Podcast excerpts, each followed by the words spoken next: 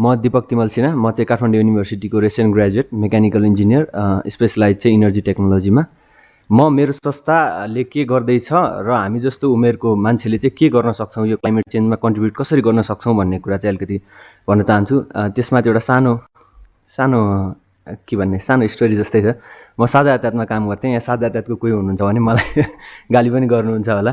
त्यति बेला चाहिँ हामीले एउटा इन्जिन क्लिनिङ टेक्नोलोजी एचएचओ टेक्नोलोजीबाट चाहिँ इन्जिन क्लिन गर्दाखेरि एक्जस्ट इमिसनमा चाहिँ कतिको रिडक्सन हुन्छ त भन्ने कुरा यसो स्टडी गर्न लाग्थ्यौँ त्यति बेला हामीले अनि बिफोर र आफ्टर चाहिँ टेस्ट गरौँ त्यो गाडीको इन्जिन इमिसन चाहिँ कस्तो छ भनेर भेहिकल फिटनेस टेस्टिङ सेन्टरमा लिएर गयौँ।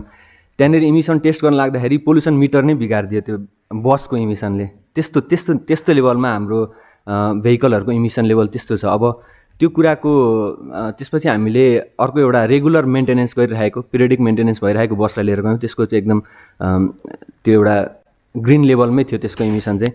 त्यहाँबाट चाहिँ के थाहा हुन्छ भन्दाखेरि हाम्रो अब साझा यातायातमा जसले लिड गरिराख्नु भएको छ उहाँहरूलाई त क्लाइमेट चेन्ज एयर पोल्युसन सम्बन्धी एकदमै राम्रो ज्ञान होला। तर त्यो ज्ञान चाहिँ एउटा टेक्निसियनसम्म ट्रान्सफर नभएको कारणले गर्दा एउटा रेगुलर पिरियडिक मेन्टेनेन्सको इम्पोर्टेन्स पनि थाहा नभएको र त्यो कुराले गर्दा पनि कति ठुलो चाहिँ सिग्निफिकेन्ट रोल खेलिरहेको हुन्छ एयर पोल्युसनमा मान्छेको हेल्थ हेल्थमा भन्ने कुरा चाहिँ जोड्न चाहन्छु। अनि त्यसपछि हाम्रो उमेरको मान्छेले चाहिँ त्यो जुन हामी रिसर्चर अनुसन्धानकर्ता भन्छौँ त्यो फिल्डमा काम गरिरहेको मान्छेले चाहिँ अघि हाम्रो प्रेजेन्टेसनमा पनि सरले भन्नुभयो एउटा साइन्टिफिक रिसर्चको चाहिँ कमी छ।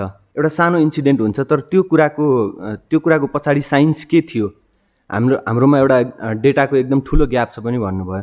त्यो डेटा ग्याप चाहिँ फुलफिल गर्नलाई हामी जस्तो रिसर्चरहरू हामी जस्तो डेस्कटप रिसर्च गरिरहेको मान्छेहरू फिल्डमा काम गरिरहेको मान्छेहरूले चाहिँ ठुलो रोल खेल्न सक्छौँ जस्तो लाग्छ। जस्तो अहिले मैले मेरो संस्थाले चाहिँ देशभरि एग्रिकल्चर रेसिड्युहरू फास्ट ग्रोइङ ट्रीहरू कतिको काटिरहेको छ कतिको चाहिँ प्रड्युस हुन्छ एक वर्षमा एग्रिकल्चर रेसिड्यु र त्यसलाई ओपन बर्निङ गर्दाखेरि त्यसको इमिसनबाट एयर पोल्युसन र हेल्थमा कतिको असर पर्छ भन्ने कुराहरूको स्टडी गर्दैछौँ।